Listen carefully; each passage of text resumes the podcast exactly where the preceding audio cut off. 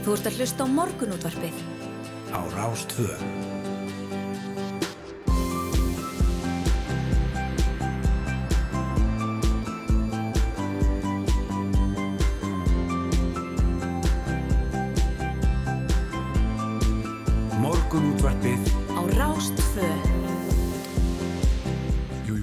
Jú, morgunóttur hefðbýður góðan dag þriðu dæn 7. júni klukkan 8 tímyndir í 7 og það er yngvar Þóru Hulda Gestótti sem ætla að vera hérna með ykkur til klukkan nýja á þessum um, fallega en kannski skíða degi. Já, það er þriðjudagur í dag, það er ekki mánudagur Það er ekki eins, eins og mér væri tamt að halda. Ég er svolítið í Já, ég, en ég næði ekki alltaf að það sé bara fjögra daga vinnum við nei, en uh, við þykjum það með þökkum og, Já, og já. uh, laung og góð helgi að baki sem að uh, vonandi sem flestir nutu og, og það var að minnstakosti hér um slóður alveg frábært viður á lögadag og, og fínt viður í gæri svo sem líka. Já, já, nákvæmlega. Og e, alltaf notar þetta að fá þér ekki þetta helgi svona ættu, já, allar helgar og allar vikur að vera held ég. Við vorum einmitt að ræða þetta hérna um daginn með, með breytingar á vinnutíma Já, og, kannski er það framtíðar músikin að við verðum með fjóra daga vinnuvíku og, þryggja daga helgar. Við Já. erum til í það. við erum alltaf til í það hérna e, en við erum með sneisafillan þátt framöndan já, við ætlum til að mynda að e, já, ræða prjóna gleði. Já, við ætlum að byrja daginn á því að taka upp prjónana eða minnstakosti fræðast um hérna árlegu prjónagleði og blöndósi sem að nú styttist í. Og hún Svanhildur Pálsdóttir hjá Textilmiðstöð Íslands, hún er einmitt stödd í bænum og ætlar að líta við hjá okkur, hún veit allt um þetta, hún kemur hérna til okkar kortir yfir sjö. Einmitt, það gekk mikið á um helgina. Uh, meirhlutið þingmanna breska Íhalsflóksins kaus gegn vantröst til á hendur Boris Johnson fórsetur á gerkvöldi 211 kusu gegn henni en 148 af flokksfólki Johnsons já, vantrist á honum sem leitt á flokksins eftir því svo kallega Partygate neyksli og við ætlum að ræða niðurstöðun og afleiðingar þessa máls við Eirík Bergmann, professor í stjórnmálafræði en það svona bendir allt til þess núna að Johnson ætli að sitja sem fastast í sínu embætti þrjá fyrir að hafa farið að já, skemmta sér svona hérna þvert á COVID-reglur á sínum tíma. Já, svo litið sérstatt. Nú, listaháttíð Reykjavík hóst í síðustu viku og stendur til 19. júni næstkomandi og það eru auðvitað margskonar viðburður í bóði og meðal annars verður bóðið upp á samtali í klúpi listaháttíðar í dag undir yfirskriftinni list á stríðstímum og þar er spurt stóra spurninga eins og til dæmis hvaða hlutverki gegna menning og listir í stóra samhenginu þegar stríð geisar og lífið sjálft er að veði og þarna kemur meðal annars Ukrains listafólk og að þessum viðburði og verk þarlendra listamanna verða bóðin upp og Vigdís Jakobsdóttir listrætt stjórnandi hátíðarinnar stýrir umræðanum í dag og hún ætlar að koma til okkar í spjall svona kortir í eh, áttaði svo og aðeins að fara yfir uh, hvað er þarna gerast í dag og, og, og svona aðeins að segja okkur frá hátíðin í leðinni. Nákvæmlega. En e, á fundi ríkistjórnarinnar í lok síðasta mánar voru kynnt áformum skipun vinnuhóp sem greiningu á arðsemi íslensku bankana. Nú kjarnin fjallaði málið á dögunum en samkvæmt heimildum miðelsins á að skoða þjónustu og þóknana tekjur íslensku bankana og bera þar sama við sambarilegar tekjur banka á hinum Norðurlöndunum. En okkur hefur verið rætt um fákeppni í íslenska bankakerfinu um undarfarið. Nú málið heyrir undir um, Lilju Alfredsdóttur, menningar og viðskiptar á þeirra sem ætlar að koma inga til okkar upp úr klukkan átta. Já, hún verður hjá okkur eftir áttafréttinnar og, og svo ætlum við að halda okkur í, í uh, stjórnmálum en, en sveita Hall okkur í framsótt með þessi. Já, því að við fáum uh, Einar Þorsteinsson til okkar klukkan hálf nýju. Nákvæmlega, hann tekur við að degi bjekir sinni oddvitað samfélkingarina sem borgarstjóri áspyrun árið 2024 en eins og allir vita það var nýr meirhluti borgarstjórnar og samstarf sáttmóli kynntur á blaðamannafundi í gær en einar segir sáttmólan svarað öllu leiti kröfum framsóknar um breytingar á næsta kjörtumubili. Maður sá það svona þegar maður las kommentakerfi fjölmjölana að þeir sem, eh, eða þau sem kusu framsókn eh, svona furðuðu sig að einhver leiti á, á þessum meirhluta. Já, sumir ganga bara svo langt að kalla þetta svik. Já, ma maður sá það reglulega í Já. komandakerfinu. Já, og svo ætlum við að ljóka, loka þættinum í dag með því að fá til okkar hann Guðmund Jóhansson, tækni gúrúin okkar. Hann kemur og segir okkur eitthvað forvinnilegt úr heimi tækninar eins og hann gerir alltaf svo skemmtilega. Já, nákvæmlega. Ef við förum inn aðurstöti yfir um, fórsýður bladana, þá er um, ég líklega eh, rætt um það á fórsýðu begja blada, morgunblessis og fréttablasins þennan nýja um, samstarfsáttmála. Það er allavega hér á, á fórsíða morgublasins þá er verið að fjallum hennar sáttmála og líkil áhersla er lögð á átak í húsnæðis uppbyggingum Lóðum verið útlitað í Úlfarsárdal á Kjallarnesi, Hlýðarenda í Gufunesi og á Ártunshöfða og uppbyggingu verið flýtt í Kjeldnalandi og Kjeldnaholti og umhverjus mat vegna sundabrautar verði hafið. Þá munir börn á grunnskólaldri hvorki þurfa að greiða fyrir sundferði sína nýjastrætóferðir og nætur strætó verður endurvækin sem stúndarhefingin hefur kallað mikið eftir.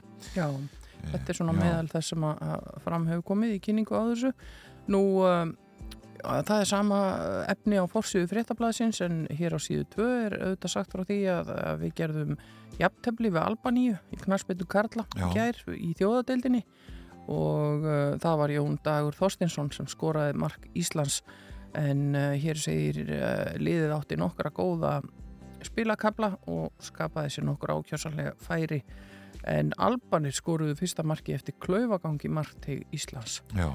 en það er alltaf betra að gera jafntefni heldur en að tapa. Þannig að við erum ána með stíði sem kemur út úr því. Já, og taldu fókbóltan þá er hérna uh, á fórsíðan morgunplassins uh, ég skrifaði upp úr frábærum þáttum sem eru nú að byrtast á, á mbl.is eh, Dætur Íslands mm -hmm. það sem er verið að heimsækja okkar besta landsinsfólk til þeirra félagslega sem er svona reglulega að spila fyrirstelpunar og við tal hér við já, Söru Björk Gunnarsdóttur og hún er svona ræði hitt á þetta hérna segir að já, hún hafa aldrei farið út í atvinnum að skulla þess að eignast peninga en það er samt gott að vita til þess að maður muni eiga einhvern sjóð þegar ferðunum líkur eftir allt sem maður hefur lagt á sig þótt maður eigi marga byggar á tilla líka gott að vera fjáraslega velstæður því maður hefur eitt miklum tíma í þetta, segir Sara meðal annars, en það er fjari svona vitt og breytt í þessum þáttum sem eru stór skemmtilegir og, og, og verðt að mæla með. Já, þetta er svona upptaktur fyrir EM Kvenna sem já, já. verður haldið eh, á Englandi núna í júli já. og uh, svona, við, við eigum okkar uh, lið þar og það verður að spila þeirra minnstakosti þrýr leikir ytra. Fyrsti tíunda júli, Ísland-Belgia á Manchester City Academy Stadium Já, og, og það er nú það er nú annað umræðið efni það Já. er að segja hvað er verið að spila við erum verið nefnt áður ekki, ekki mjög stóru vellir allir. En hér á síðu fjögur í fréttablaðinu er talað um mikla og viðvarandi vöndun og geðlæknum hér á landi næstu árin. Og formaður Geðlæknafélags Íslands segir viðvarandi skort á heilbrið starfsfólki í geðheilbriðskerfinu skammarlegan. Allt og fáur geðhjúgruna fræðingar og læknar og sérnámi í geðlækningum hafi útskrifast undan farin ár farið í gegnum þetta hér í, í, í þessari frétt og tala sem sagt við hann Karl Reyni Einarsson sem er formaður Geðlækningafélags Íslands. Já, nákvæmlega. Nú það hérna má nefnaður stutt að það fjallaði það á eh, síðu tvei morgablaðinum að það var náttúrulega bjórsala á landsleiknum í gerð sem er e, óvanlegt og, og nýtt á, á landsleikum hér á landi. Já og eh, hér er rætt við eh, markastjóra, eða nei, upplýsingafullur af KSI sem segir að hann sé að koma til móts við hóp stuðningsmanna sem hafa verið að kalla eftir þessu reglulega í mörg ár og, eh, og það var svona ekki annað að sjá en að þetta gengi ágætla. Já, bara vonandi fór það allt vel fram en þá fullorið fólk alveg að geta fengið sér eitt bjór með fókbaldarleika á þess að það verði eitthvað við sinn. En fréttir hér næst og svo komum við aftur eftir. Þú ert að hlusta á morgunútvarpið á Rástvö.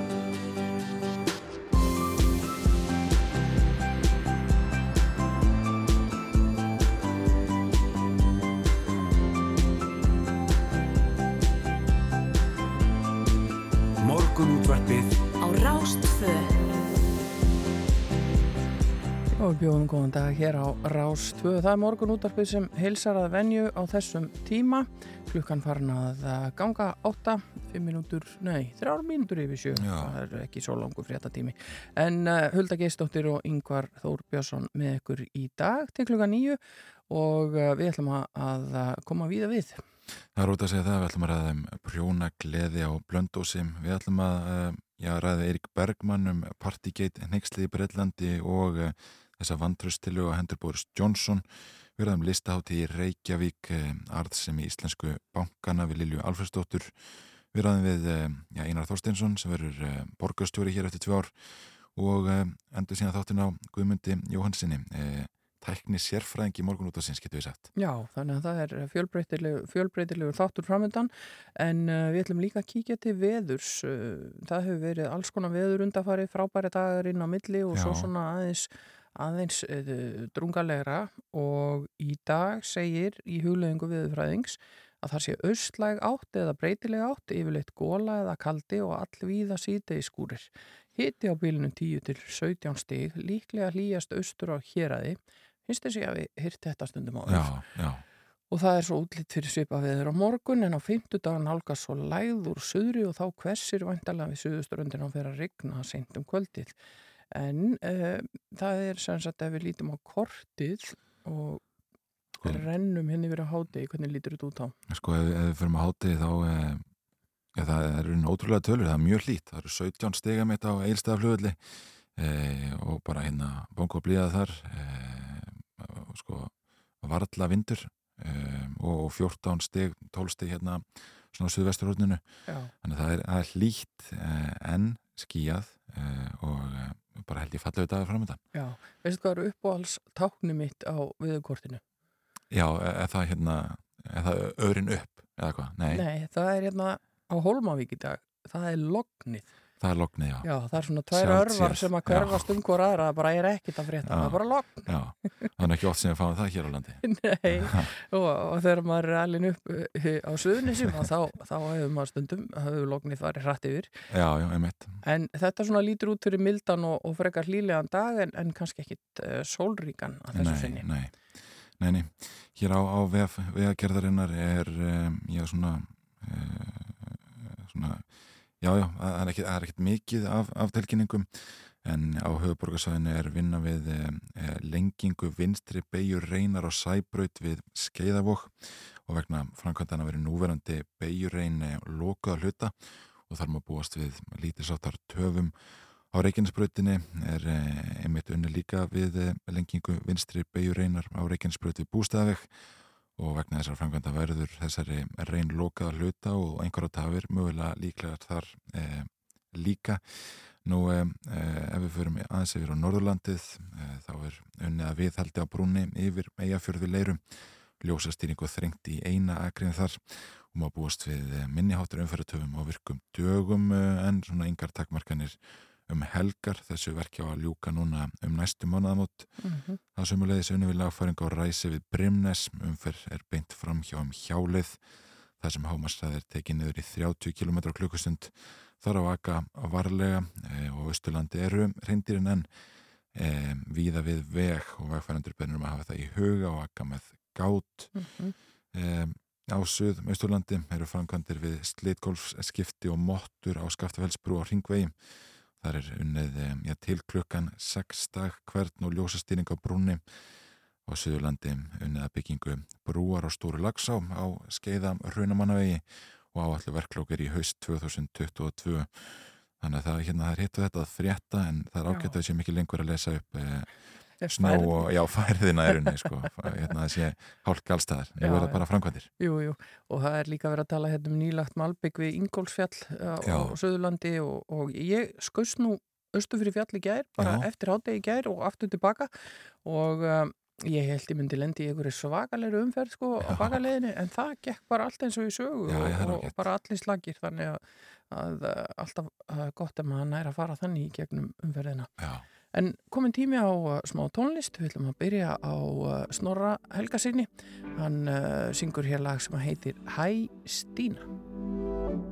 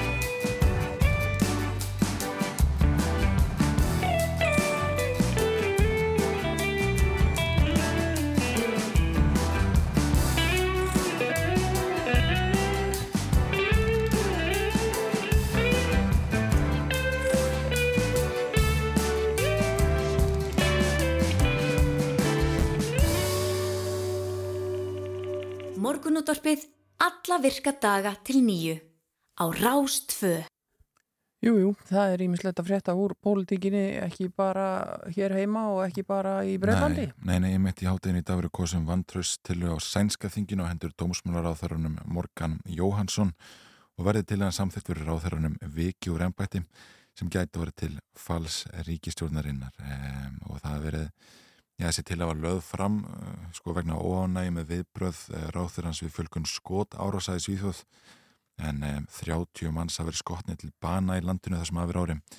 En um, þá er líklegt að aðeldur umsóttin í NATO sem verði einnig til umræðu á þinginu þar í dag um, það flokkur Svíþjóðdemokrata sem bóðaði vantröstilöguna í síðustu viku og mótið ratna og kristilegi demokrater sagt að þeir muni styðja þessa tilögu en e, það duði þá ekki til og það þarf því eitthvað að gerast e, á þinginu í dag til að vantrust til að hann verði samþitt vantar eitt atkvæð til viðbútar Já, það er, uh, það er Já. gengur á, en þetta eru svo litið líka sláandi fréttir svona frá Svíþjóðum þessar um, já, mörgu skotárásir, þetta eru Já. bara orðið, orðnar svona þó nokkuð reglulega fréttir.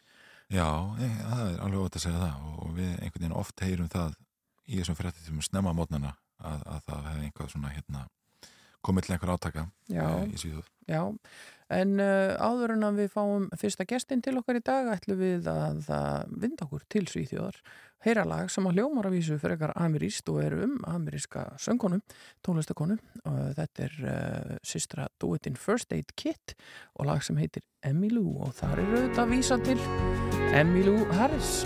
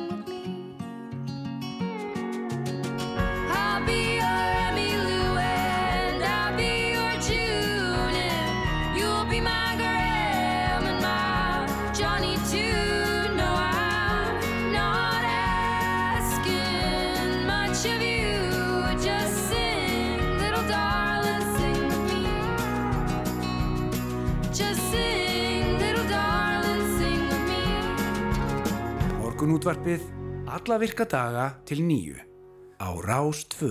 Já, þetta voru sænsku sýsturnar uh, Jóhanna og Klara Söderberg uh, sem að sungu þarna svo fallega fyrir okkur í læginu Emmylou og fyrst erum að tala um sískinni í hljómsveitum að þá er kannski rétt að benda á þáttinans Andra Freys sem að var á dagskrá í gær, sískinabönd og bara rétt líka að minna fólk á dagskrána sem var hér um helgina, margt frábært í bóði sem að nú er hægt að nálgast í, í spilaranum okkar, Jón Ólason með tvo þætti um Paul McCartney Já, já. til dæmis og Rúna Róbert. Með þrjá djúran þætti þannig að það er nógu að taka. Og það getur verið tilvalið að rúli gegnum þessa þætti með Já, prjónana í höndunum sko. Ég er að hugsa þetta allt saman svona uh, skipulega en uh, við sögumst alltaf að byrja daginn á því að taka upp prjónana, já, eða svona minnstakosti fræðast um hérna árlegu prjónagleði sem að nú styttist í og við erum svo heppin á hún svo Anhildur Pálsdóttir hjá Textilmiðstöð Íslands sem að veit allt um þetta. Hún er stödd hérna í bænum og, og er sest hjá okkur hér í, í smá morgunkaffi. Velkomin. Já, takk fyrir það. Gaman að fá því í hús. Það er ekki á hverjum degi. Nei, takk fyrir að bjóða mér að koma. Já, en, en kannski fyrir þau sem eru þarna úti og vita ekki hvað prjónagleðin er og þú byrjir á því að segja okkur aðeins bara frá því hvað fyrirbæri það er. Já, prjónagleðin er sem sagt prjónaháttíð sem er haldin árlega aðra helgina í júni á Blöndósi og fyrsta skipti, hún var haldin í fyrsta skipti 2016 og þetta er semst í raun og veru bara svona uppskjöra hátíð prjónafólks á Íslandi og hérna sem að kemur hann saman og prjónar og fer að námskeið og hlustar á fyrirlestra og drekku kaffi og prjónar og Já. kaupi gatn og prjónar Og þetta er okkar, okkar reyndasta fólki í þessum heimi. Gæti ég, gæti ég komið þarna og bara tekið já, já, prjóna? já, geti bara komið á námskeið til dæmis eða ég gef mér það, þú vil ég læra, byrja á því að læra Já, betra? prjónaskap er það ekki Já, Ég held að þú getur verið mjög efnilegur í prjóna. já, ég held það já, ég Já. meina, læriður ekki að prjóna í grunnskóla Jú, það er svona alltaf fyrsti hérna svona staðurinn það sem að tók upp einhverja prjóna Já, ég held að það sé nú bara það sem að kannski flestir Íslendingar í raun og veru hafa snert á prjónum sko. en við hérna, og svo er svo auðvelt að rifja þetta allt saman upp núna nú er það bara á YouTube og svona það er orðið svo mikið Já, hérna, náttúrulega efni og kennsluefni og svona á netinu Já. Og endalist uppskriftum og hugmyndum og hjálp og það þarf engin að En þetta hefur verið, það hefur verið mikil uppgangur í prjónaskap á Íslandi já, og, og, og kannski ekki síst í COVID.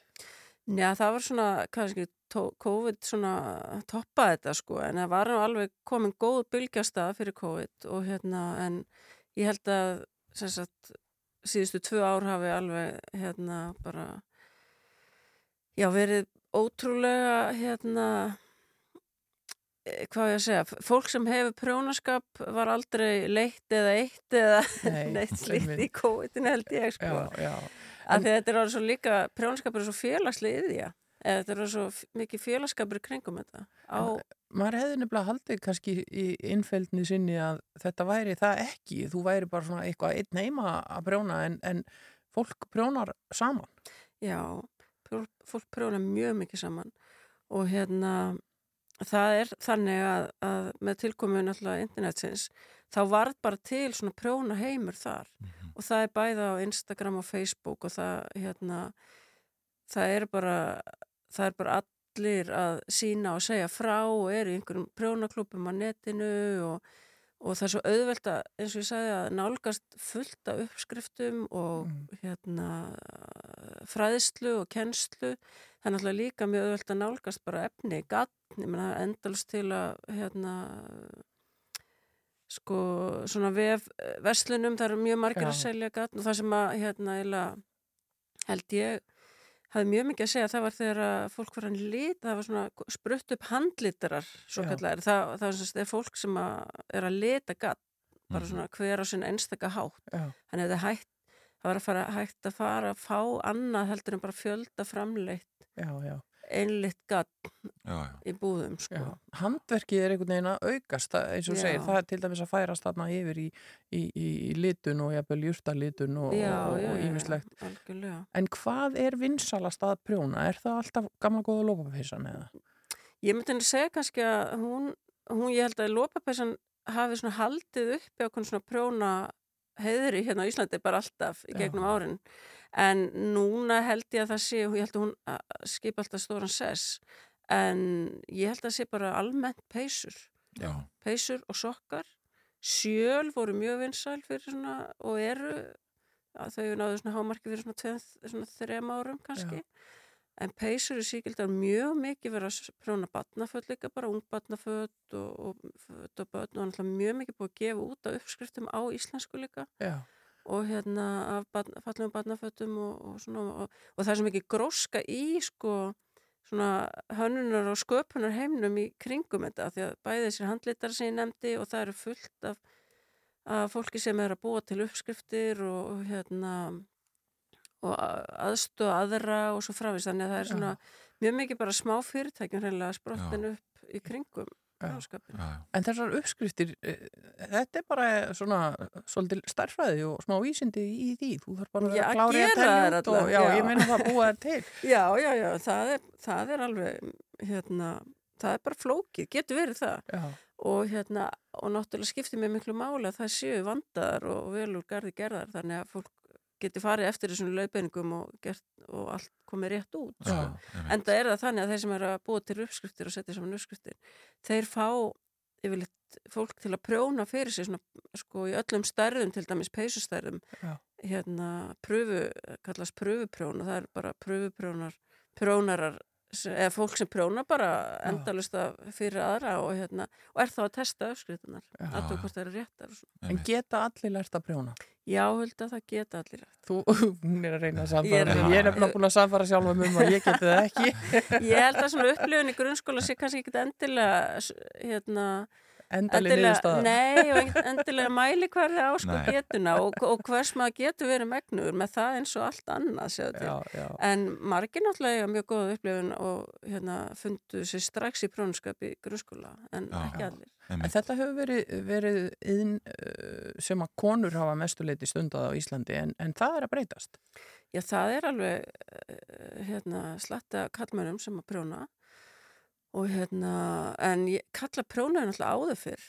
Prjónulegs var þetta útflutningsvara Íslendinga um aldir og ég bara, það er bara, maður hérna, kynni sér það að ég held að hefur verið, sko, hérna, hérna á 18. og 19. öldinu þá voru seldu landi, sko, þrísvarsinu fleiri sokkapör heldur en Íslendingar voru á árið skiliði og Já.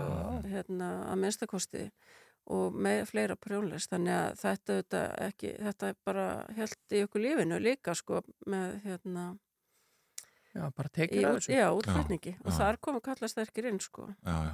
En þau sem vilja mæta á þessa prjónagleði, hvað þarf að hafa í huga og, og Já, hversu sko- mörgum gerir á fyrir?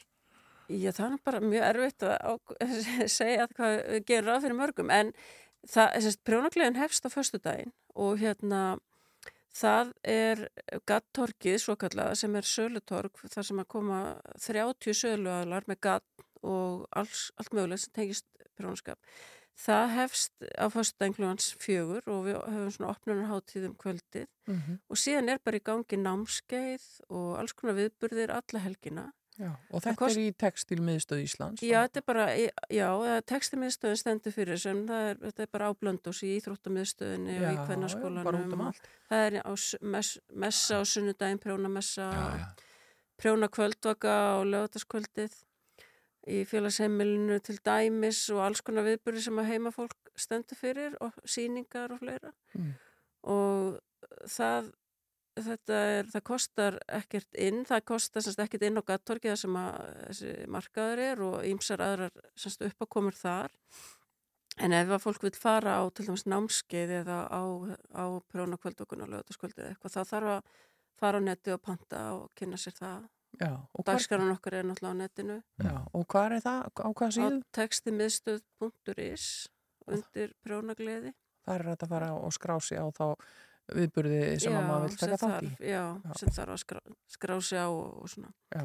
En þú sjálf í- út í ósalega fallegri peysu, brjónaðar Já. hann sjálf. Já, takk fyrir Í alvöru? Já. Ó, þetta er náttúrulega bara list, sko þetta eru listaverk.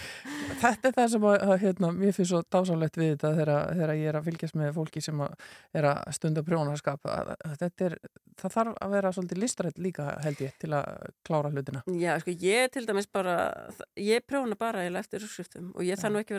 listræðin en það en að velja bara einhverja liti sem ég falleg. Já, en, það, það er líka já, en ég, vil- sko, mér finnst sko það sem ég finnst svo skemmtilegt er að það er náttúrulega miklu skemmtilega að sjá fólki prjó, fallega prjónum peysum heldur en endalist á flýspeysum eins og var hérna fyrir Já. sko 15-20 árum. Já. Er ekki sammála? Við erum er sammála því. Þetta eru góð loka orð. Svanhildur Pálsdóttir hjá Textilmiðstöðinni. Takk fyrir að koma til okkar hér í efstaleiti og segja okkur frá prjónagleðinni sem hefst á föstudaginn á Blöndósi og allt um það inn á textilmiðstöð.is.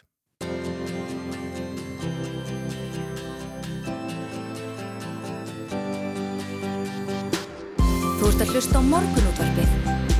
Á Rástvö. Áfram höldum við hér að loknu fréttaféliti Ingvar Þórum Hulda Gerstóttir en eh, meir hluti þingmanna breska íhalsflokksins kaus gegn vantraustillu á hendur Boris Johnson fósettisráð þeirra Bretlands í gerkvöldi 211 kusu gegn en 148 af flokksfólki Johnson vantrist á honum sem leiðtóa flokksins eftir því svo kallaða Partygate nexli og Eirikur Bergmann, professor í stjórnmálafræðir hinga komin, góðan daginn. Góðan dag. sko við bökkum aðeins og, og, eh, og skoðum þetta nexli það snýst að miklu leiti til um það að, að já, hann virðir ekki, ekki eigin sóþandareglur Já, já, það er það er hérna eh, málið að hann í Breitlandi á þessum tíma voru mjög strángar sótvarnarreglur en hann uh, virtist álíta það er hann hefði ekki alveg til hans sjálfs og hans Nei. svona nánasta umhverfis og neykslið gengur náttúrulega ekki út á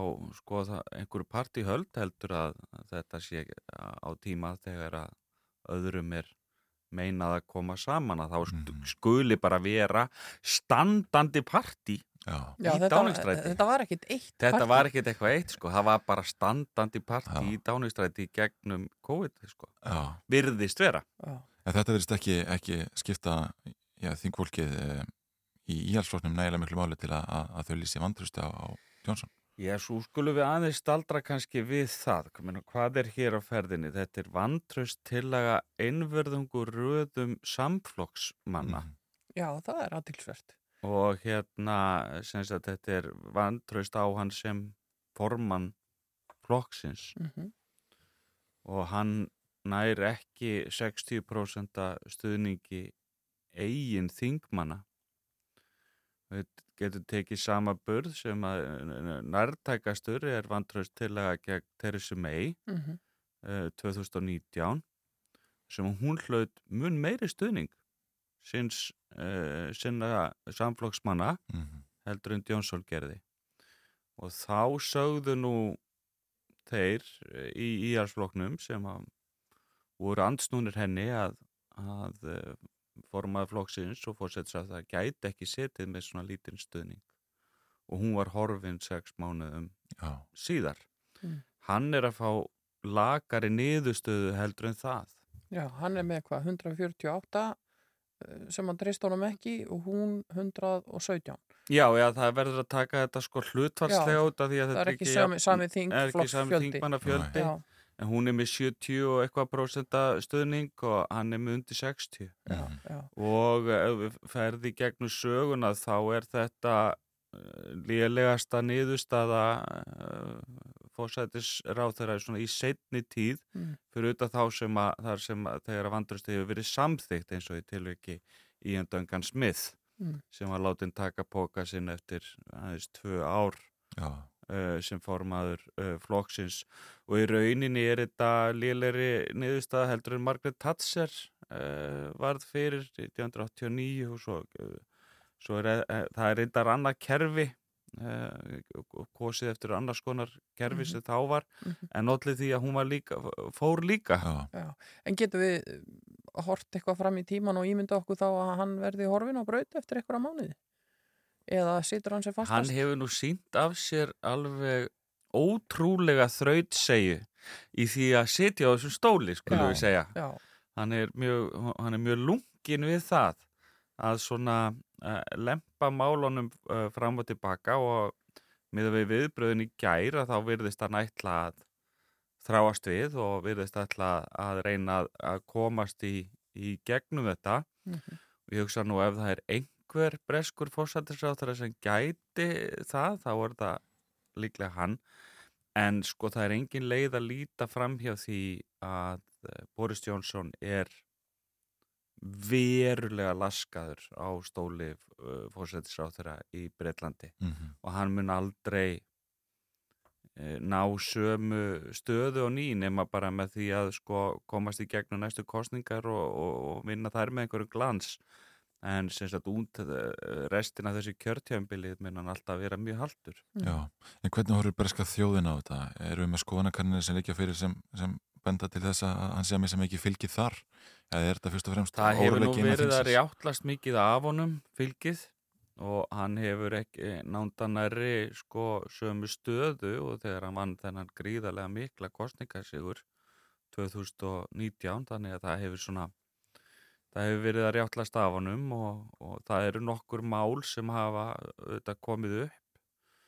Uh, en þetta kannski það svona alvarlegasta en það sem er kannski verra fyrir hann um, umræðin er sko snýst ekki einvörðungu um þetta partístand í dáningstræti heldur um persónu uh, fósættisráþarans hvort að hann sé um, gætur þeim um, persónu eigileikum sem heppilegasti teljast fyrir leiðtóa af, Mhm. þessum, af þessari gerð og það eru fleiri og fleiri þingmenn hans flokk sem eru fannir að tala um, um það þannig að Mhm. það sé í rauninni ekki bara verið að líta til þessa atburðar sem hægt var í hugsanlega bara að byggjast afsökunar á og halda uh, áfram í kjölfarið Mm. heldur er þetta á farið að verða meiri svona rýni inn í hans personu. Já. Já. En hva, hvað segir almenningur um það? Eh, Nýtur hann eh, hilli eða svona eitthvað svona bad boy sjarmi að við getum orðað Já. þannig hann, hann, hann er ekkit mjög hefðbundin breskur stjórnmálamaður svona hvorki í útlitinni framkom oft Sko Boris Johnson já, er óhefbundur stjórnmálamaður uh, um mjög margt en hann er líka erki hefbundin uh, hann kemur innan úr þessu hefbundnasta kerfi uh, breskra stjórnmála sem til er. Gegnum Eton hérna, strákaskólan Mhm. og síðan í gegnum sko, Oxford þar sem verður formaður uh, ræðuleysins og þannig að hann er svona uh, innan úr öllu þessu kerfi en í háttum og svona fasi að þá er hann auðvitað mjög óanalegur og sko þeir sem hafa stútirað feril hans og alveg frá þessum tíma þeir segja sko hann hafi í rauninni bara búið til þessa personu Já. sem að er Boris sko fjölskyldan hans kallar hann sko Alexander þetta er Alexander Boris Johnson og hann er alltaf, öllum fjölskyldur heitir hann bara Alex Já, þessi já. Boris típa að hún verður til þarna í Oxford Já, og já. hann sko er um- og hann- þar býr hann til þess að skröffi karakter þar sem hárið er út um allt Já, og já. bindið það er alltaf, alltaf laust og fötun er alltaf krumpuð og hann svona kemur fram þetta er, alveg, eh, þetta bara þetta er svo djúft í breskri menningu. Akkurat þessi útgáfa af svona buffón típu einhverju í Breitlandi svona ofur brest á, á ákveðin átt þetta er svona fer inn í breskan húmor og breska menningu sem að þeir uh, fíla mjög vel sko. Og eitt af því sem hann gerði sem að mér sýnist eh, sem að lýsir sko hversu klókur og klára hann nú er þrátt fyrir allt að þegar hann var þarna í ræðuliðinu þá gerði hann sér það að leik að, kafa ofan í eld, eldgamlar orðabækurs og um, svona dúka upp með alls konar gömul bresk orð Já, já. og ennsk orð og uh, svona slengja þeim frá og, og slá um sig með, með þeim og Mhm. nota þau í svona daglegu tali og í ræðum og öðru slíku Já. Þannig að hann sló andstæðinga sína gætnan út á læginu með sko orðum sem að menn skildu ekki. Já. vegna þess að ennskan er svo ótrúlega orð, eh, sko margt tungumál sem að, eh, um, og mikið af, af orðum sem er ekki lengur í, í nótkun og ef að menn hlusta á hann í dag þá eimir ennþá af þessu, það er ekki alveg svona, uh, já, svona örtað hann sé að slá fram orðum sem að fólk næri ekki alveg utanum en hann gerir þetta uh, ennþá Mhm. og þetta svona færði yfir hann á áru svona gáfumennis og einhvers konar intellektuals en síðan eru frægar sögur að hann var lengi svona ræðumadur á alls konar félaga, félagasamtökum og Já. svona og þetta virtist vera allt bara svona æft leikrit um það og, sem sagt, og þá gekk spennan öll út af það að hann vissi aldrei hvað var um að vera hvar hann var eða hvert umræði efni væri. Og svo en síðan kemur einhver svona snilda ræða svona eins og hún detti óvart út úr honum Já. en það var sko þau læft uh, uh, leikrit Já. Já. en þannig að, að í svona bresku svona high society þá er þessi típa daldi mikið tekin sko Já, einmitt. það er svo síðan er, síðan er einhvern veginn allt önnu típa Kýr Starmer leiðtói í verkamannaflóksins uh, hefur honum tekist að sækja sér veðrið í öllum þessum nixlis málum Sko, það má nú bara segja að sko, verkamannaflokkurinn breski hafi bara einfallega ekki borið sitt bar á þessari öld Nei. eða sko reyndar náttúrulega eh, tekur Gordon Brown við og við skulum satt frá hruni hefur verkamannaflokkurinn ekki ekki alminlega borið sitt bar og lengi vel hefur hafa bresk stjórnmál bara hverfst um uh, íhalsflokkin sem hefur séð þessari þjóð bæði fyrir stjórn og stjórnar andstöðu en nú bendir ímislega til þess að verkamannaflokkurinn sé að ná opnu sínum á nýja leik og Starmer er að sækja verulega í sig veðrið. Uh, hann hefur svo sem lendi ímislegt verið honum mótrætt líka en, en hann uh, er á töluvert mikilli uh, siglingu núna.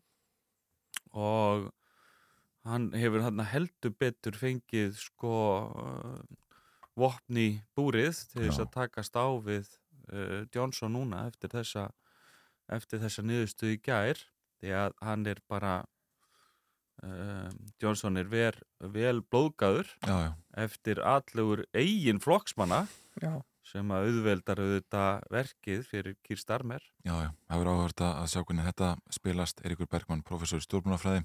Takk fyrir að kíkja til okkar í morgunútarpið. It was a fun, strange summer. I rolled on, didn't think of you. We lost touch with each other. Fall came, and I had to move. Moving backwards, hurt comes after. Healing doesn't happen in a straight line.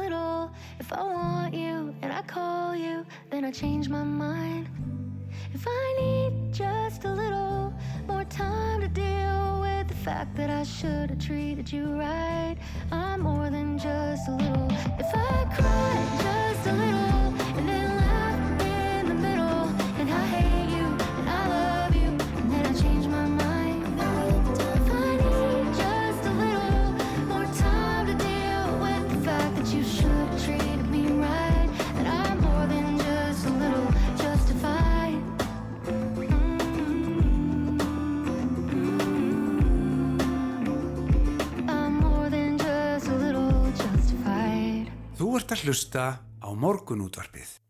Jú, við erum vissulega að hlusta á morgun útarpið. Þetta var Casey Musgraves, uh, bandariska stjarnan, syngja fyrir okkur Justified og það er ímsar stjörnum sem að koma við á listahátti líka. Við ætlum aðeins að forvitnast um háttíðina sem að hóst í síðustu viku og stendur til 19. júni næstkomandi og það eru auðvitað alls konar viðburður í bóði og meðal annars í dag verður bóðið upp á samtali klubbi listaháttíðar undir yfirskriftinni list á stríðstímum og þar verðar stóra spurningar settar fram meðal annars hvaða hlutverki gegna menning og listir í stóra samhenginu þegar stríð geysar og lífið sjálft er að veði. Og úkrænst listafólk kemur að þessum viðburði og verk þarlendra listamanna verða líka bóðin upp og Vigdís Jakobsdóttir sem er listrætt stjórnandi hátþérinnar allar að stýra umræðum og er komin til okkar, velkomin. Takk fyrir. Já, og við getum eiginlega bara byrjað á því að segja gleðilega háttíð. Já, takk innilega. Þetta er bara, þú ert í miðju kafi og, og, og allt komið á stað. Já. Þessi viðburður í dag, þetta er auðvitað kannski svolítið sérstakku viðburður í dagskráháttíðarinnar. Og um, hann er náttúrulega bara beint viðbrað við stríðinu sem að geysar í bakgarðinum Já. Mhm. og, um, og það er eðli hátíða að geta svolítið gripið og hérna, stokki til með stuttum fyrirvara í raun og veru og brugðist við einhverju, Mm eða því sem, því sem gengur á í samfélaginu og þannig að þessi viðbyrju kom náttúrulega svolítið seint inn í dagskrána, dagskrána er komin orðin tilbúin um áramót cirka Já. en e, okkur fannst við verða að gera eitthvað og reyna að, einmitt að skapa eitthvað vettvang til þess að spyrja þessara stóru krefjandi spurninga því að við fyllumst öll svo miklum vannmætti Mhm. og eh, við verðum hrætt, við vitum ekki hvað er rétt að gera, við vitum ekki hvað við getum gert, við vitum ekki hvaða skref við getum tekið og eh, okkur langaði til þess að bara í raun og veru skapa vettvang þar sem við getum komið saman og ekki bara listafólk, heldur líka bara almenningur og, eh, og tekist af við spurninguna hvort, hvaða hlutverk listirnar hafa að gegna á svona tímum Mhm. og hvað við getum gert. En því miður þá er staða náttúrulega svo að núna á meðan að stríði geysar að þá e- er þörfin fyrst og fremst kannski fjárhagsleg Mhm. og bara mannúðarstörf Já. Og þá kannski sópast listin til hliðar einhverju leiti en listafólk er samt út um allan heim tilbúið til að leggja sitt að mörgum og langar að vita hvernig er hægt, hvernig getum við brúðist við og hvernig er líka hægt að takast á við þetta í gegnum listinnar Mm. og hvernig getum við aðstofað úkræns listafólk. Já. Þannig að þetta er svona margþætt spurning í raun og veru.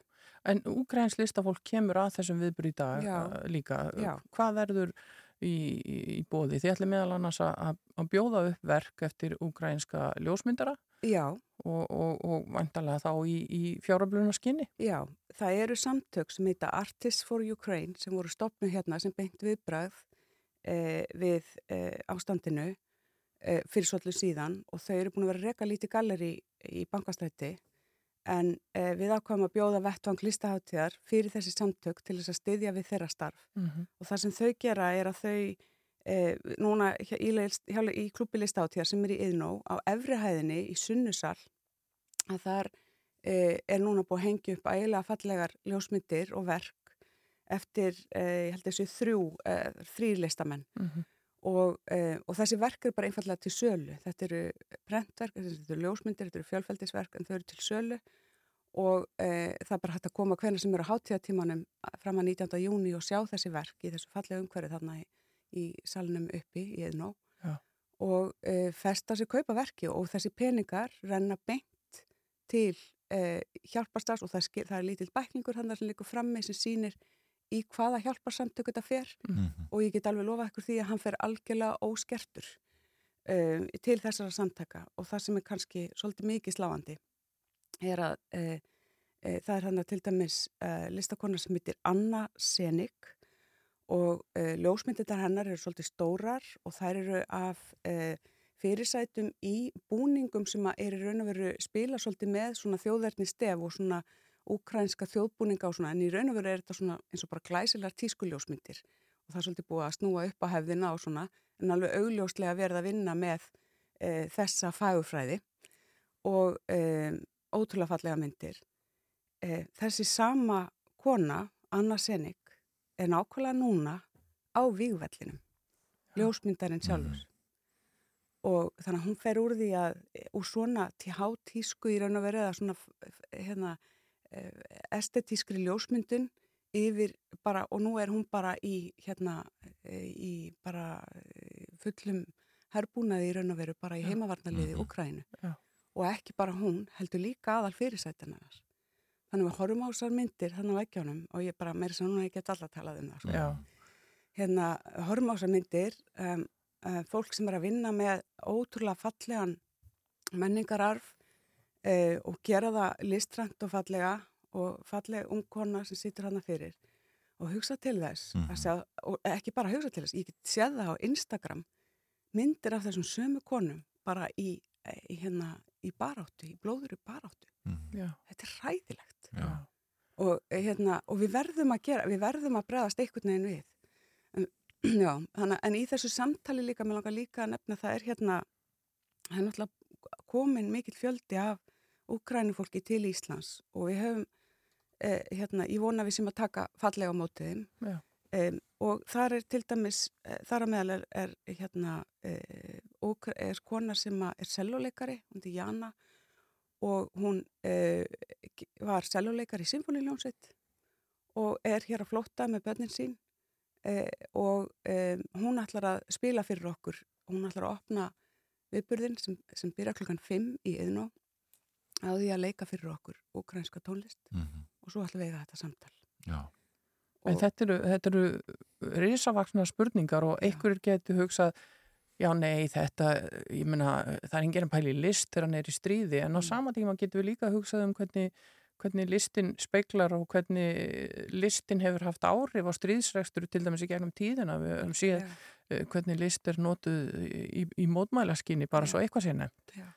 Og það, ég held að alveg rétt, það er enginn að hugsa um list í stríði, það er ekki hægt, þú ert að bjarga lífiðinni, þú ert að, þú ert að verjast, þú ert að, þannig að, hérna, e, en, en, ef, en það listafólk er í stríði, Mhm. menningaverðmæti eru í húfi, Mhm. það verður að verja menningaverðmæti líka og þar með, þú veist, það verður að, það verður að útmá menningarsögu þjóðar með því að sprengja í tætlur, borgir Já.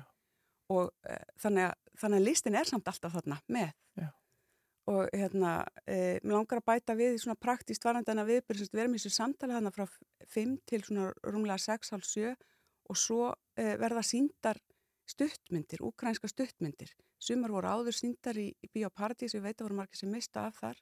Það er að koma þarna alveg allt kvöldið og, og sjá þessar stuttmyndir. Mm. og um kvöldmættaleitið þá verður líka til sölu innan gæsalappa borst, hérna alvöru heimager borstsúpa frá hérna e, sem að Ukrænumadur hefur búið til fyrir okkur og, e, og hún e, verður, sem sagt, það er frjálsframlög þú, þú borgar það sem þú getur Já. og það fer allt í sama Sama í, í, í sömu hérna, góðgeramál, já, í góðgerastofnum Allt þetta í dag í Yðnó í klúpi listaháttíðar og uh, síðan eru þetta dagskrá listaháttíðar inn á bara listahátti.is það eru margir áhugaverði viðburðir framundan og eitthvað fyrir alla. Takk fyrir að koma við hjá okkur Vigdís Jakobsdóttir listrætt stjórnandi háttíðarinnar og, og segja okkur frá þessu. Nú og við ætlum að heyra hér í spilverki þjóðarinnar uh, fram að uh, auglýsingum og fréttum og uh, fréttum loknum kemur menningar og viðskiptar á þeirra til Já, ætlum að arsemi bankana.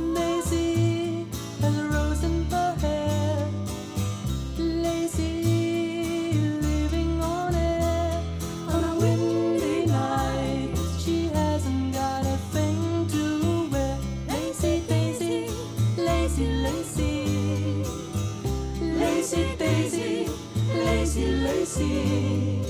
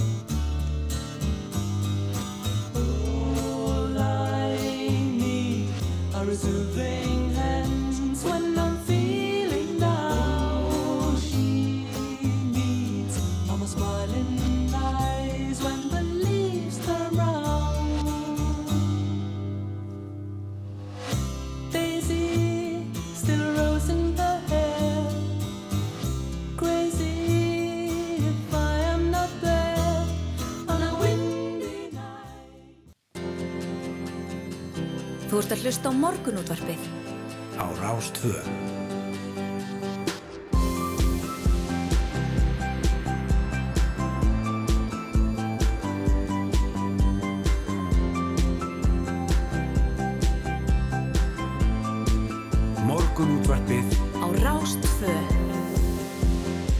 Áfram höldum við hér í morgunúttarpinu þar er Hulda Geistóttir og Yngvar Þór Björnsson sem stýra þættinum í dag og uh, við erum komin með næsta og, og góðan gest til okkar. Jú, það er út að segja það. Lilja Alfredsdóttir, menningar og viðskiptar á þeirra að hinga komin. Góðan daginn. Já, góðan daginn.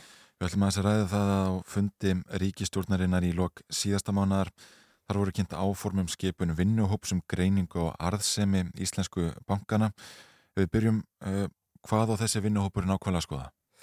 Það sem ég vil að við skoðum er að e, það sem hefur að gera, ég, ég vil að við skoðum arsemina og hvernig hún er uppbyggð og líka sérstaklega að skoða þróun uh, þjónustu tekna Mhm. og þjónustu gjöld sem eru tekin af neytindum og setja þetta í e, alþjóðlegan samanburð, sérstaklega samanburð á Norðurlöndunum.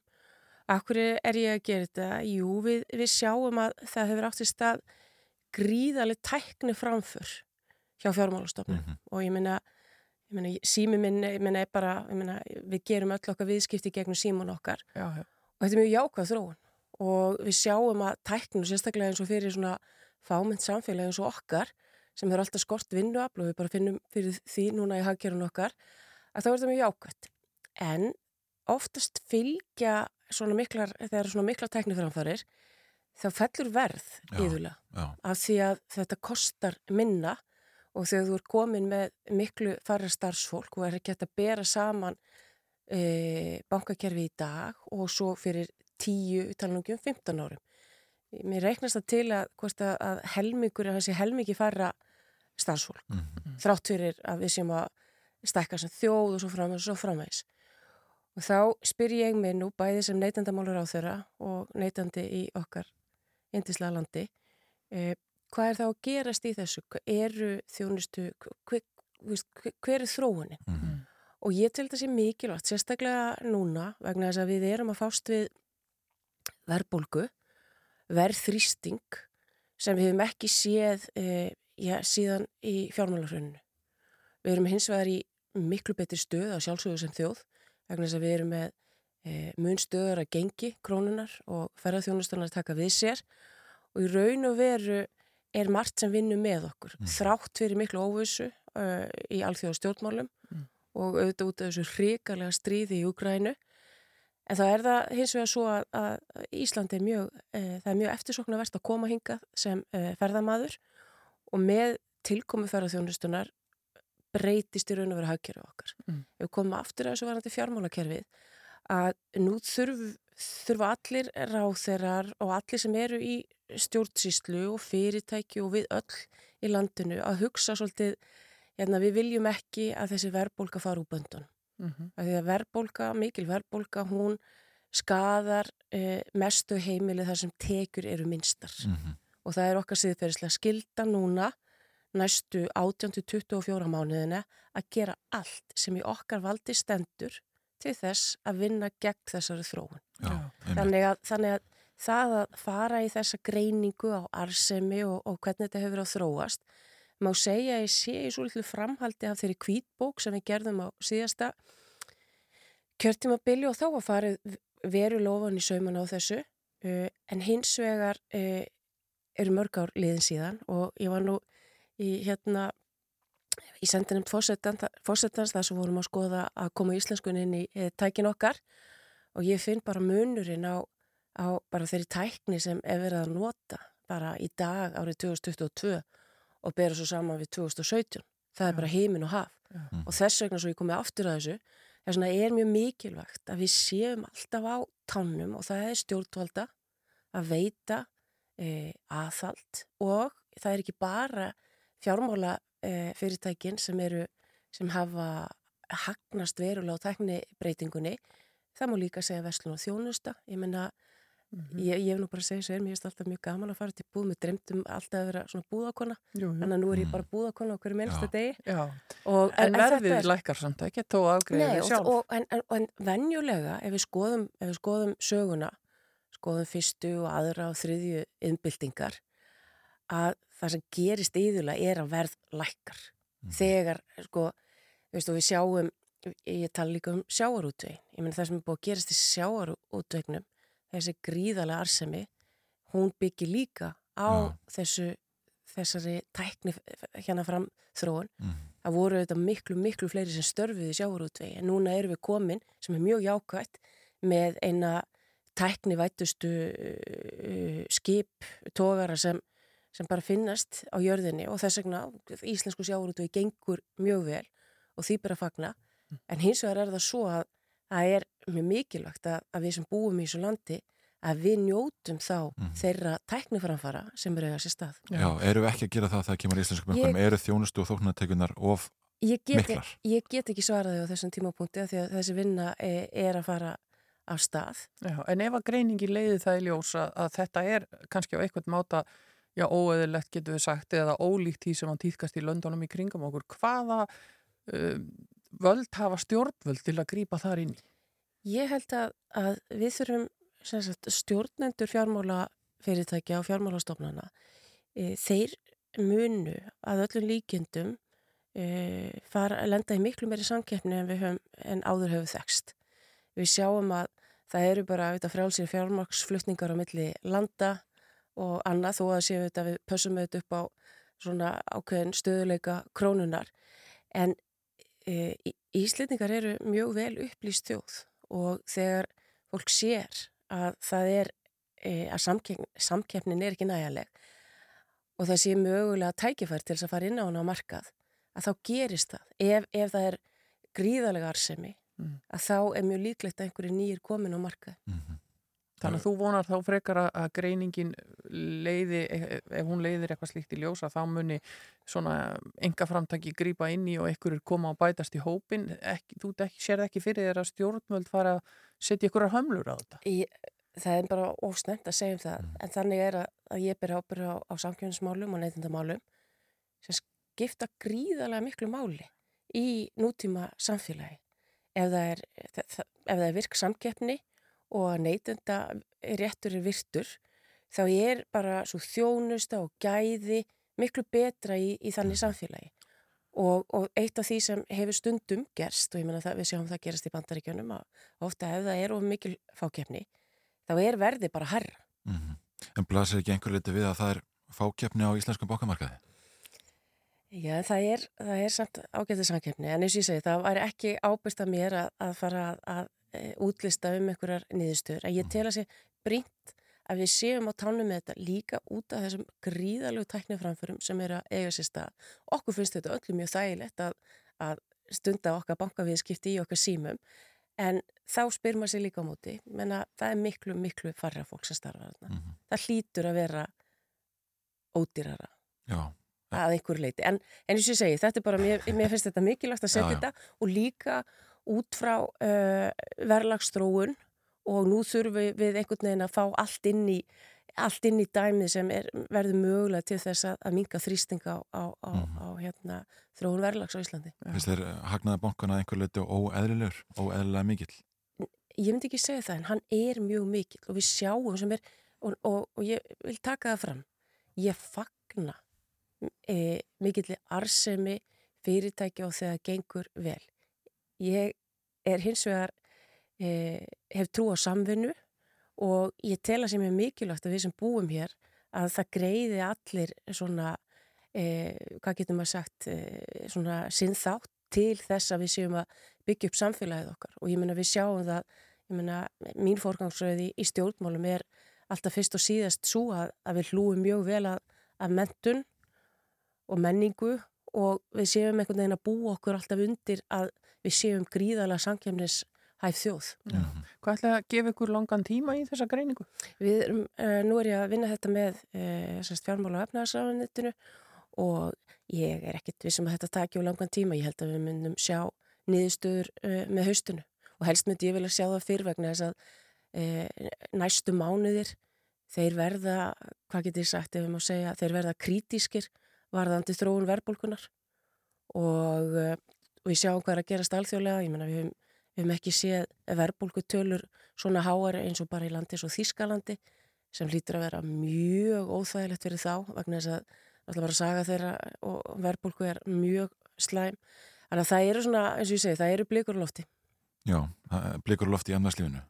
Það hefur líka verið uh, talað um það þegar við ræðum með fákjörni bankana og annars líkt að það þurfi svona hérna, um, ódýra innlenda leið til að miðla greiðslum. Er það inn í myndinni af því sem þið eru að skoða? Já, sko, við erum svo sem það er ekki undir mér uh, sáþáttur en, en greiðslu kerfi eru mjög, ég menna það er bara svona innviður hjá fjármála fyrirtækjum og það sem hefur verið að gerast og er partur af sagt, þessari tæknibildingu sem við erum bara stötti í miðri er að greiðslukerfin og greiðslu hérna þau hafa verið að færast út fyrir landstæðuna og ég vil nú að segja fyrir mitt leiti sem hérna sem fyrir um uh, starfsmæður Sælabanka Íslands að mér hugnast ekki vel svo þróun Nei. vegna þess að uh, í fjármálarhraunu þá skiptið okkur öllu máli að uh, hafa haft stjórn á greiðslukerfunum og reiknastofnum bankana vann gríðarlega vel með okkur og við náðum í raun og veru svona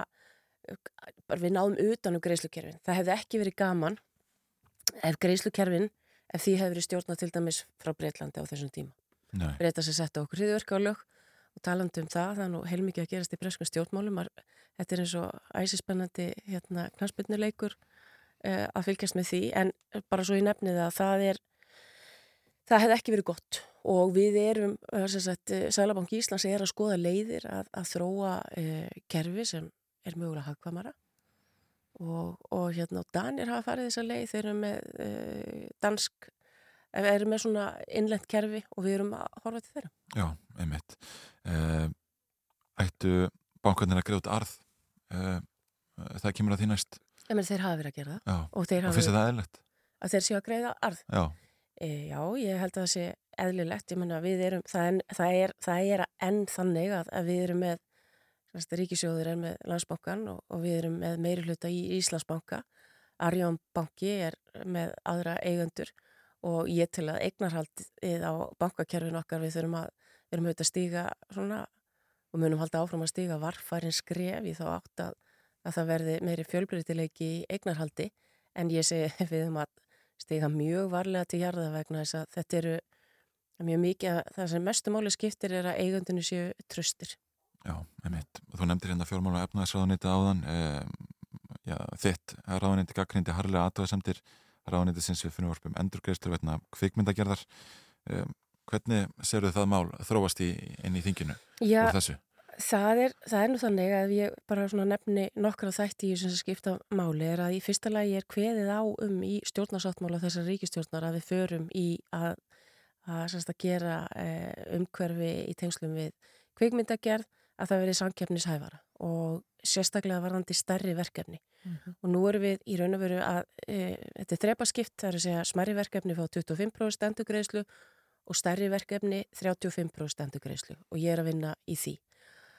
Um, það er, ég mælti fyrir fyrir varpinu núna hvað fyrir tömu vikum og það var eftir því tekið að það er þverpólitisk sátt um frumvarpið.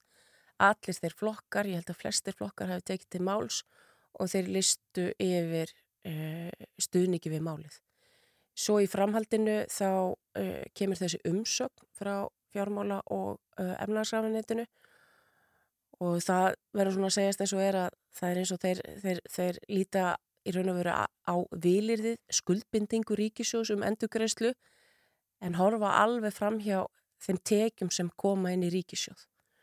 Og það er þannig að við auðvitað uppfærum bæði e, ríkisfjármála áætlun og bæði þá gjalda og tekjuhliðina og það er það sem ég gaggrindi er að það var ekki verið að taka tillit til þeirra tekna sem eru fyrirsjáanlegar og eru til þess fallnar að, að auka þá tekjur inn í ríkisjóð.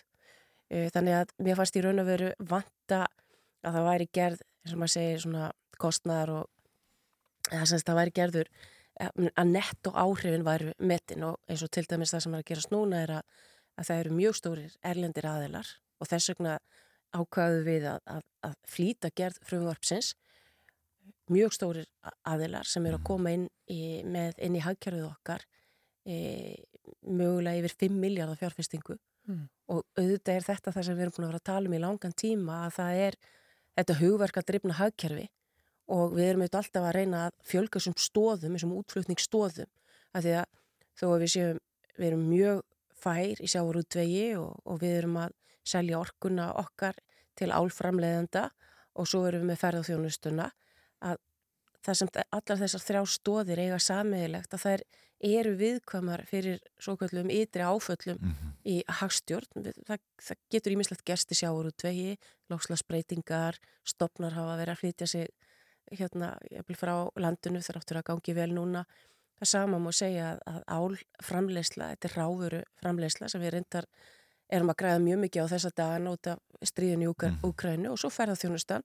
Ég meina hver hefur trúað því að, að ferðarþjónustan hún myndi draga saman um 50% í út af farsótt? Og þess vegna er þessi þessi, þetta hugverkardrifna hagkerfi sem, sem kvikmynda gerð byggir á að hún er auðvitað til þess fallin að hún, hún byggir á mannauðu, hún byggir á þekkingu og hún fer ekkit eins þess að það er það er minni líkur á því að, að þegar við erum búin að stækka þessa stóð Mm. að, að við verðum fyrir eins, eins miklum svona efnaðslegum á, áföllum út af þessari átudreifingu. Þess að segja ég varandi frumvarpið, að frumvarpið er, er mjög vel uh, úthugsað og við erum búin að bera sama við endurgræslukerfi uh, í Breitlandi, Nýjasjálandi, Írlandi og Skotlandi. Mhm.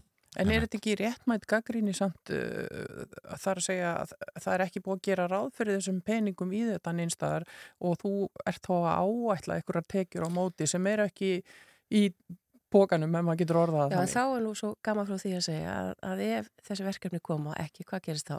Mm. Þá er engin útgjöld. Nei. Það, það Og, og bara svo ég fá að klára þetta að við erum að tala um uh, við erum um að, eða sérst, við erum að tala um að þetta gerist á næsta og þar næsta ári.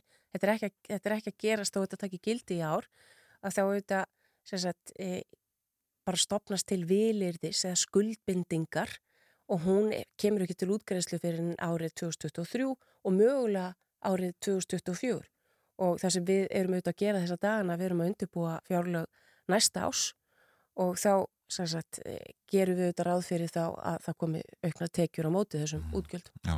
Þannig að ég segi bara, ég eh, bara tek ekki undir þessa umsögn og vil líka benda á að við erum með mjög mikið endurgreyslu kerfi varandi rannsóknar og þróun og það hefur vaksið um uh, hvort þessi 100 á, frá árunni 2017 þá hefur, þá hefur það vaksið um 120%. Það er að segja endurgreislur hafa farið úr 2 miljardum, einum eða tveimur, upp í 10 miljardar og það er nákvæmlega sama kerfi þar. Það er að segja, það er verið að veita vilirði, menn vita ekkert hvað verður mikið sem við þurfum að greiða út varandi rannsókn og þróun. Ég hef ekki séð fjármála efnaðisraðunetti koma með svona umsökn varandi þetta. Nei, þessi umsögn fjármálaráður kom einhver leiti óvart og, og, og þú náttúrulega gaggrindir einhver leiti fyrirkomulega bankasölunar. Sko, hvernig er, er stemmingin ykkar á milli við ríkisvöndaborðið?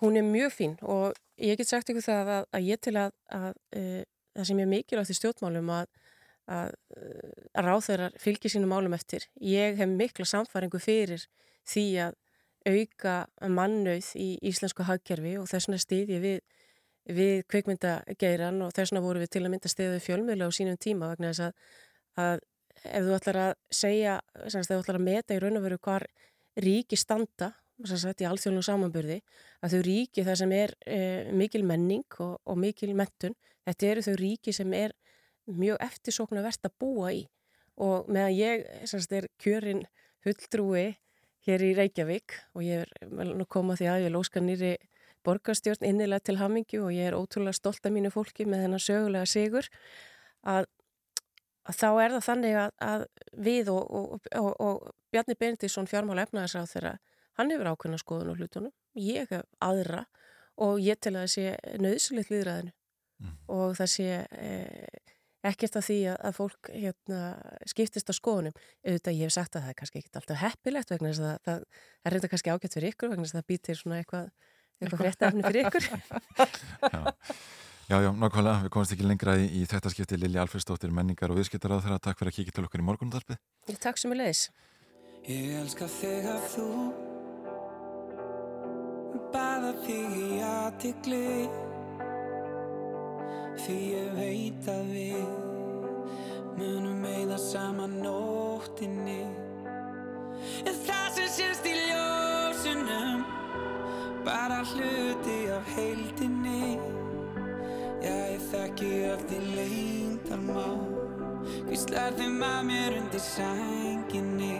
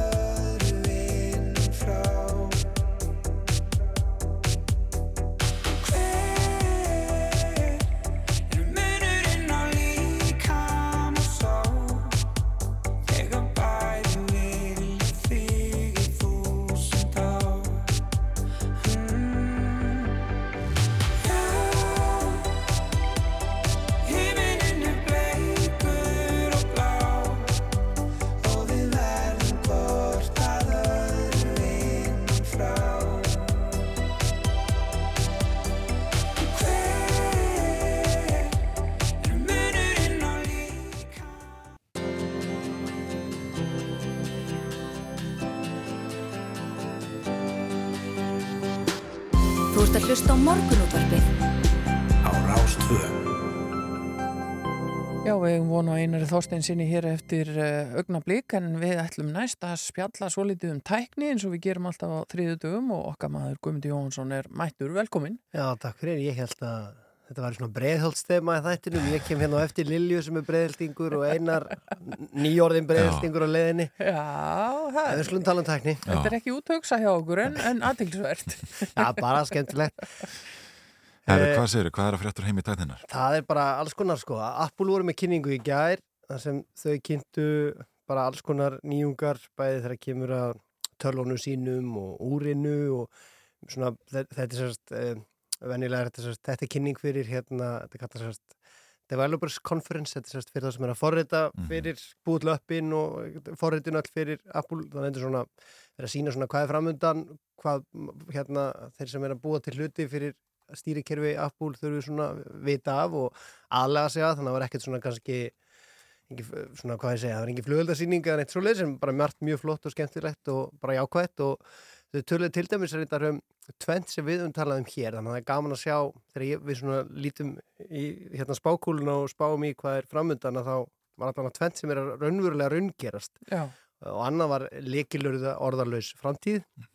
Að tækinni að hjálpa okkur að aukina okkur án leikilorða sem við töluðum um kannski fyrir ég veit ekki, tveim- vikum já, tveim vikum eitthvað svo leiðis og svo töluðum við líkum uh, Matter sem er hérna staðallega staðala snjallheimili sem við höfum líka talað um sem er bara frábært en ég ætla að, samt ekkert að tala um þessa kynningu. Ég ætla að tala um annað bara svona check í Bara- já, ég ég veit hún var í gæri, ég horfði á hana og þá er það komið. Eh, en hérna eh, það var annað sem ég langaði að tala um og það var hérna eh, sko þegar við kaupum heimilistæki og sérstaklega stór heimilistæki þá er nú þannig að þau uh, eru bara alltaf eins. Og þanga til við það er ónýtt og einhverjum árum setna og við kaupum nýtt og það er þá með einhverja nýja virkni eða getur einhvað annað sem að gamla tæki gati ekki að því að það hefur bara þróast og það komið ný, nýjar kynnslóður þarna og kannski liður 7-8 ár á milli sem við keftum þetta. Uh, það er svolítið að breytast núna þöks í því að, ekki, já þöks í því en hvort það sé gott eða vond verður annað fólk að með þetta uh, að því að það er allt nettengt í dag. Og þannig var svona, fannst mér svona áhugaverð frétt sem ég sá um bakaropn frá Whirlpool og þegar við hugsaum um bakaropna þá bara er þetta settur á 180 blástur og allir glæðir Já. Eh, en þeir náttúrulega með all- alls konar stillingum og við erum svo sem talaðum líka hvernig það eru konar myndavélar og gerfigreind í opna í dag þar sem þeir eru að skinja hvað við setjum inn í opnin og sjá, herðu, þetta er purusteg, það er þá svona lengi á þessum hitta og hérna, ég kannski setja ná, hækka hittan í lokin til að puran verði stökk og allt svona. Þannig bara að vera að koma í veg fyrir að við klú, getum klúðrað þessu. Já, svona allan að reyna að halda í höndina á okkur því ég held að tæknin sé ekki fullkomin og ég- efast um hversu langt í fjörðu yfirbyltingunni bakarófnar eru komnir á þá leið að vita hvað blokkfiskur er eða eitthvað svona sem er kannski sér, sér íslenskt eða sérstakt við ákveðin lönd en þú veist, alla getur svona haldið í hendina á okkur til að klúður ekki jólastekinni eða, eða kalkúninum eða eitthvað svona sem er svona frekar Sem venjulegt. skiptir máli. Sem getur skipt máli og bara getur bjarga hjónaböndum kannski. Jú, jú. En það sem ég varst merkilegt var semst að Whirlpool-opnin var að fá uh, svo kallar OTA uppfæslu OTA er skamstum fyrir over the air eða bara yfir loftið og sem þýðir bara að opnin er, er nettengdur og hann uppfæri sér bara sjálfur eins og símtækin okkar gera í dag það er ekkert svo langt síðan að þegar það kom uppfæsla þá þurftu við að fara heimasíðu framleiðanda að ná einhverja risastóra skrá og einhver einn að koma skránni í tækið sem átt að uppfæra. Bara með því að setja ef maður ætlaði að uppfæra sjónvarpi sitt fyrir nokkrum árum þá þurfti maður að ná í uppfæslinu að setja á USB-líkil og tróða honum einhvern veginn í sjónvarpið og endurræsa og býða svo í 20 mínútur. Þetta var svona leðilegt verðli en nú er þetta bara svona frekar sjálfvirt og gerist bara. Þannig að bakarófnin frá, frá Whirlpool var að fá hérna uppfæslu þannig að núna er hann tekur hann þátt í jólagjafa flóðinu og fekk airfryer-stillingu sem Já. hann hafði Já. ekkert verið með þegar hann var seldur og þannig þegar var, var sem sagt, airfryer-stillingu bætt inn í nokkrar típur af þessum opnum sem er bara geggjað og skemmtileg já. og bara svo segja þau að það sé bara meira framundan og þannig svona heldur tækið áfram að vera uh, bara nýtt og fest þó að maður sé búin að eiga það kannski einhver tíma sem er bara uh, að mínu viti frekar jákvæð þróun þannig að fólk sem að stekkur ofta á nýjungar þetta getur get svona aðeins bremsa það af yfir all, alltaf að kaupa og kaupa og kaupa sem er bara jákvætt og Já, já. þetta svona lengja hérna nótkunnar og líftíman Já. svo var annars sem varst merkilegt og kannski ekki oft sem við tökum um tö- tölum um franska snittur fyrirtæki L'Oréal hérna Ná, það er bara með reym og öllum. Já, já, skulum, en hérna, ég ætla samt að tala um það að okkur dettur kannski ekki þau fyrst í hugðu við tölum um tækni en þau eru samt ofta á svona tæknisýningum Já.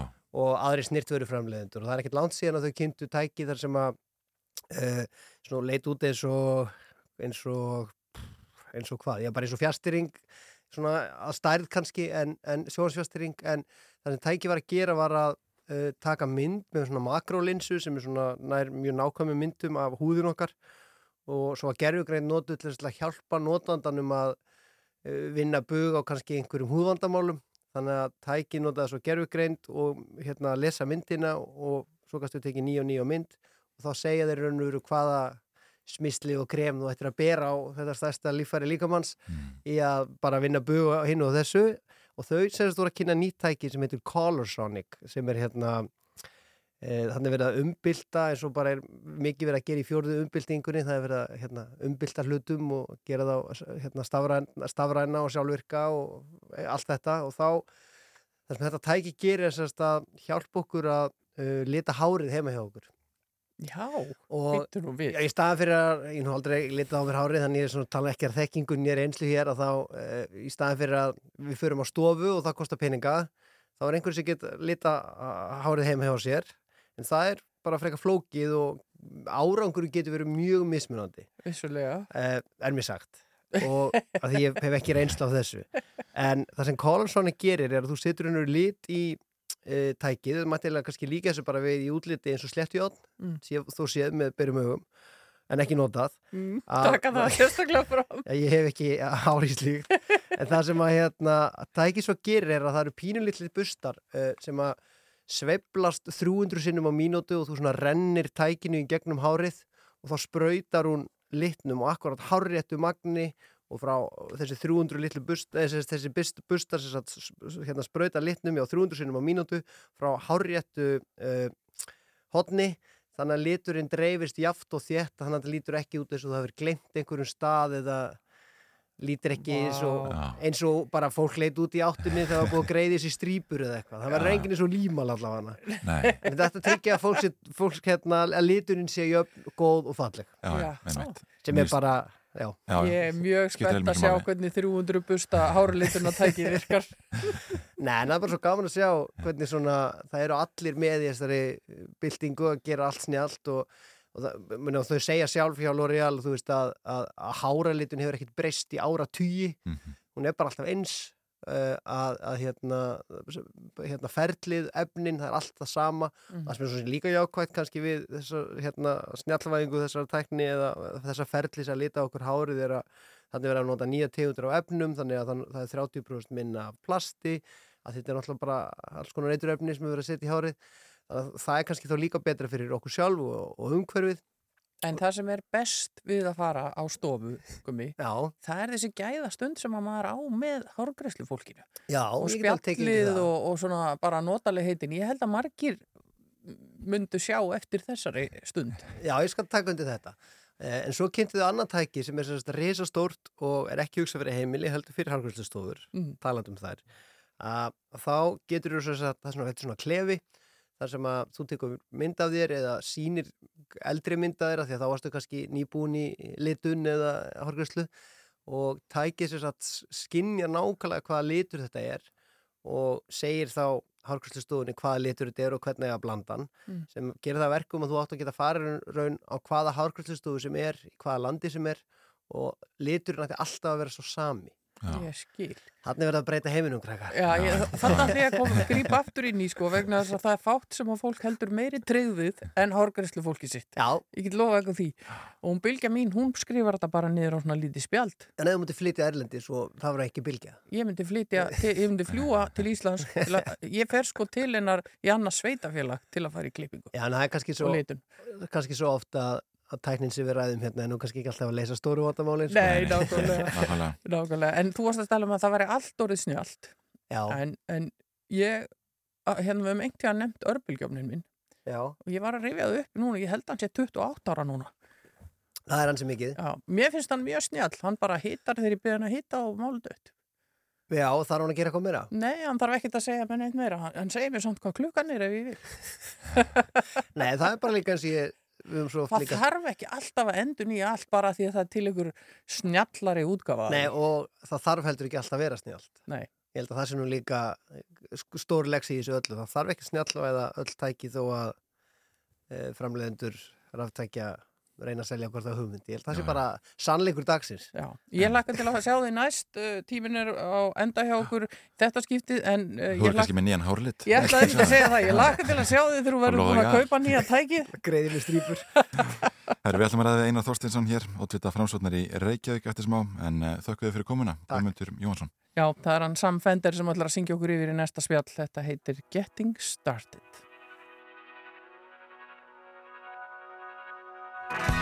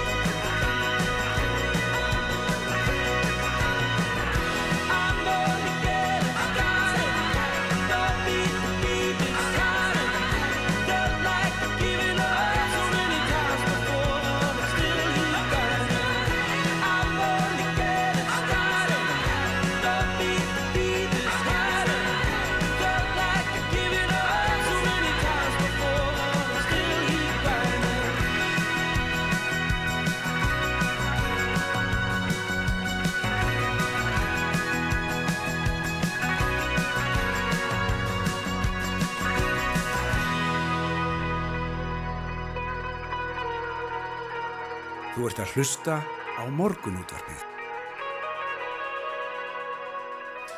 Jú, jú, morgunútarbið heldur hér áfram en uh, já, nýr meirur hluti borgarstjórnar og samstarfs sáttmáli var kynntur á blaðmann að fundi í gær og Einar Þorstinsson, ótviti framsóknar í Reykjavík uh, sem tekur við að degi uh, sem borgarstjóri áspyrjun 2024 er hinga komin, góðan daginn. Góðan daginn. Þegar við lesum, sko ef við fyrir aðeins í aðtöðasemda kerfið, bæði við fréttir og, og við fæslur fjölmjölana, það sem er verið að kynna þennan sáttmála og þennan nýja meiri hluta, þá er þar fjöldi fólk sem kaust framsókn Mhm. en segir, þetta er svik, eitthvað sem breytingar, hann er dagur bara áfram, fær þetta fólk ekki sína breytingar? Jú, það fær sína breytingar. Það framsók sem feldi meiri hlutan og knúði fram breytingar á borgarstjórn.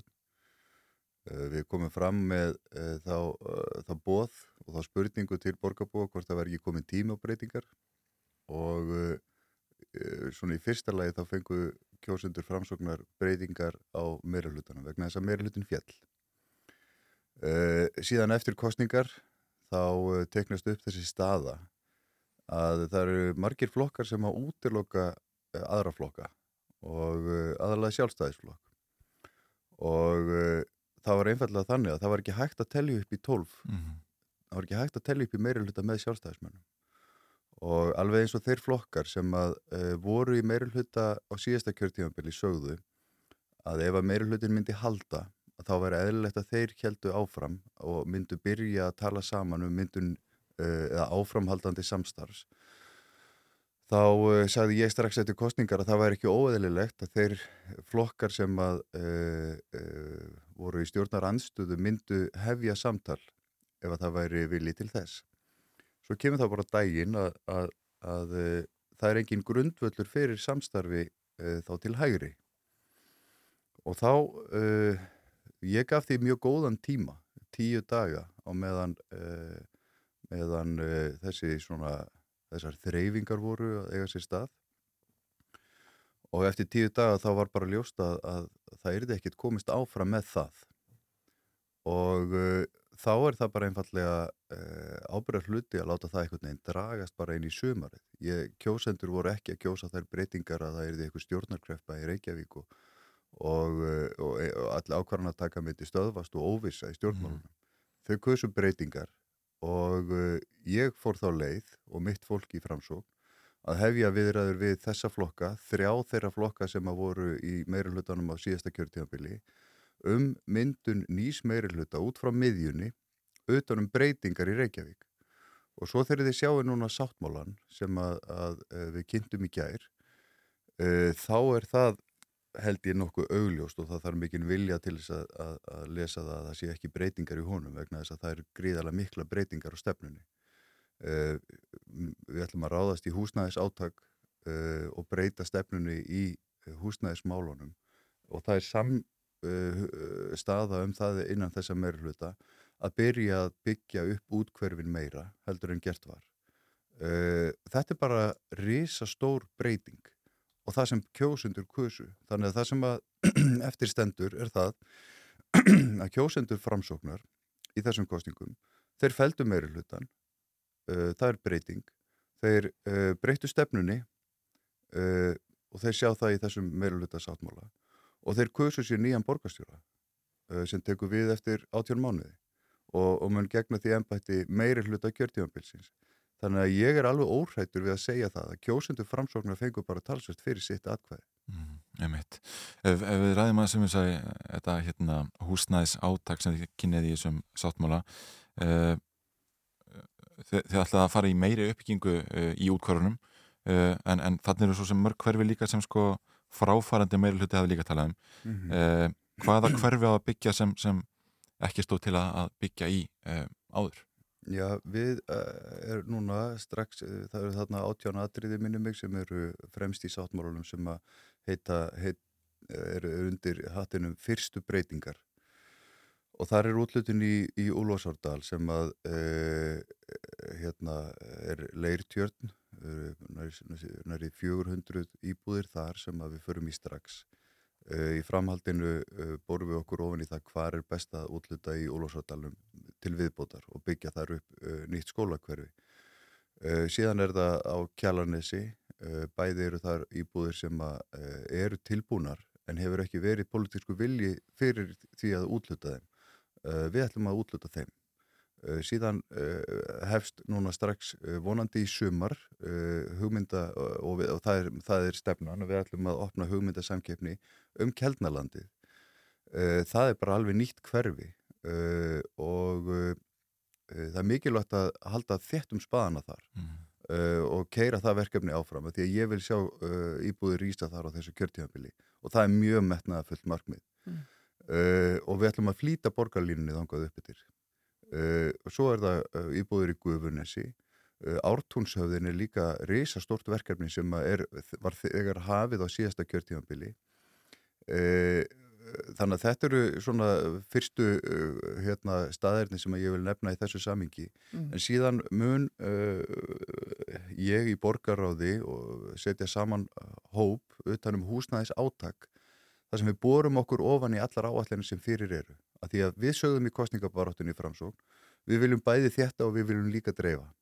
Að því að við vitum að þarf að gera bæði. Það er skinsalvett að þetta borgina þar sem að innviðir leifa og nú þurfum við að, að, að bæði að, að útluta nýjum lóðum í, í útkverfunum en við þurfum líka að reyna að keira áfram uh, verkefnin sem þegar eru í pípunum. Uh, vegna þess að við sjáum það bara. Mannfjöldaspáin var uppfærð fyrir nokkur síðan og hún sýnir að, að það, eru, það er þörf fyrir miklu meira á húsnæði heldur en, en menn töldu áður. Og uh, uh, þetta er uh, sko, hinn pólitíska sín sem við setjum fram í þessum sáttmála er það að Reykjavík eigi að taka fórustu hlutverk í þessu og vera leiðandi í húsnæðisuppbyggingu á landinu. Og það er aldrei önnur sín heldur en hún hefur verið. Við viljum líka gera húsnæði sáttmála eins og við töluðum um fyrir kostningar að hvetja sveitafélagin á, á, á höfuborgarsvæðinu og í samvinnu við ríkið að uh, tryggja það með sáttmála að það verði stöðut frambóð af lóðum og hlutfall annara sveitafélaga í uppbyggingu uh, félagsleira íbúða og búseturéttar íbúða og íbúða fyrir uh, látökjufólk og, og þá sem vilja vera á leikumarkaði. Þetta er bara samtal sem að þessi hópur mun uh, hefja strax og er bara mjög mikilvægt að komist hratt á stað. Já. En þú talar um að, að eitthvað af þessu gerist bara á þessu kjörtímabili sem er nú ekki langu tími. Nei. Er þetta raunhafi markmið því að það er ekki nóg að byggja íbúðunar, það þarf að vera hægt að komast á milli staða, það þarf að byggja upp innviði, Mhm. skóla, leikskóla, Já. götur og allt þetta. Já. Er þetta raunhæft? Já, ég menna ef við setjum okkur ekki stefnuna þá gerist ekki neitt og kjósendur kursu breytingar og e, ég menna þetta er verður mesta framkvæmda og uppbygginga tímabil í sögu Reykjavíkuborgar og ég er alveg hræðilegur í vændikastjórninni hérna. en, en það er bara samt staðan við erum að fara hérna í, í, í núna framkvæmdir í- á Sæbreytarstokk Uh, það eru líka, það er verið að taka hérna göduna frá, frá mjóttinni yfir í, í, gatnamót hjá bústæðavegi sem þarf að, að, að greiða úr. Uh, það er sæbreytarstokkur og síðan undirbúningur og sundabraut uh, sem við ætlum að stíka stórskref í á þessu kjörtímabili.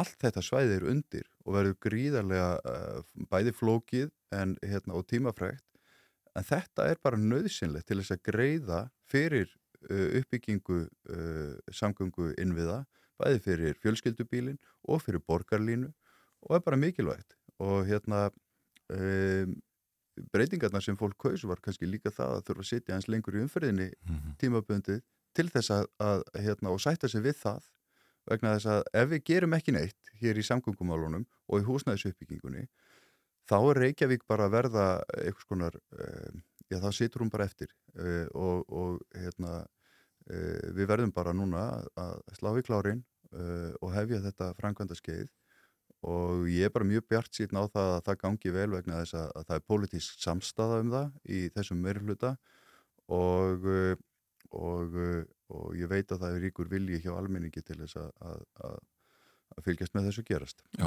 einmitt, við tölum í nöðstutum leikskólamálinn í lokin þá er talað um það, já, í fyrsta lagi að brúa beilimilli fæðingaról og svo leikskóla með fjölbreytum aðförum, en kannski ekki, já, tíunda mikið frekar mm. hvaða aðferði það eru nákvæmlega. Eh, hvernig ætlaði að brúa þetta bil? Já, uh, það eru náttúrulega áallanir uh, bæði í, núna í kerfinu um, um það, hvernig það er gert. Það er verið að bæta mjög í, í leikskólana uh, og verið að reyna að tryggja það að öll börn fái leikskólaplás.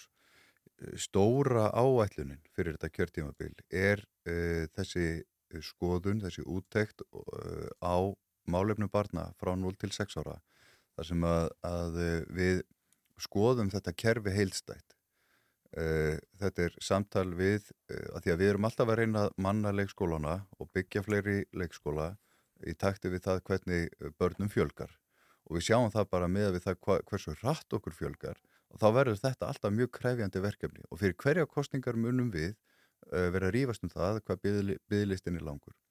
Þannig að ég myndi vilja og við ætlum að hefja samtal við leikskóla kennara samfélagið við ríkið, við önnur sveitafjölu hér á höfuborgarsvæðinu, uh, verkalýsreifinguna og atvinnulífið um það hvernig getum við, hvaða kerfisbreytingar getum við gert til þess að tryggja meira jafnvægi uh, í lífi þessa hóps, þar að segja barna og barnafjölskyldna og stöðuleika í, í, í skólasamfélaginu hvað varðar mönnuna og, og, og það allt saman.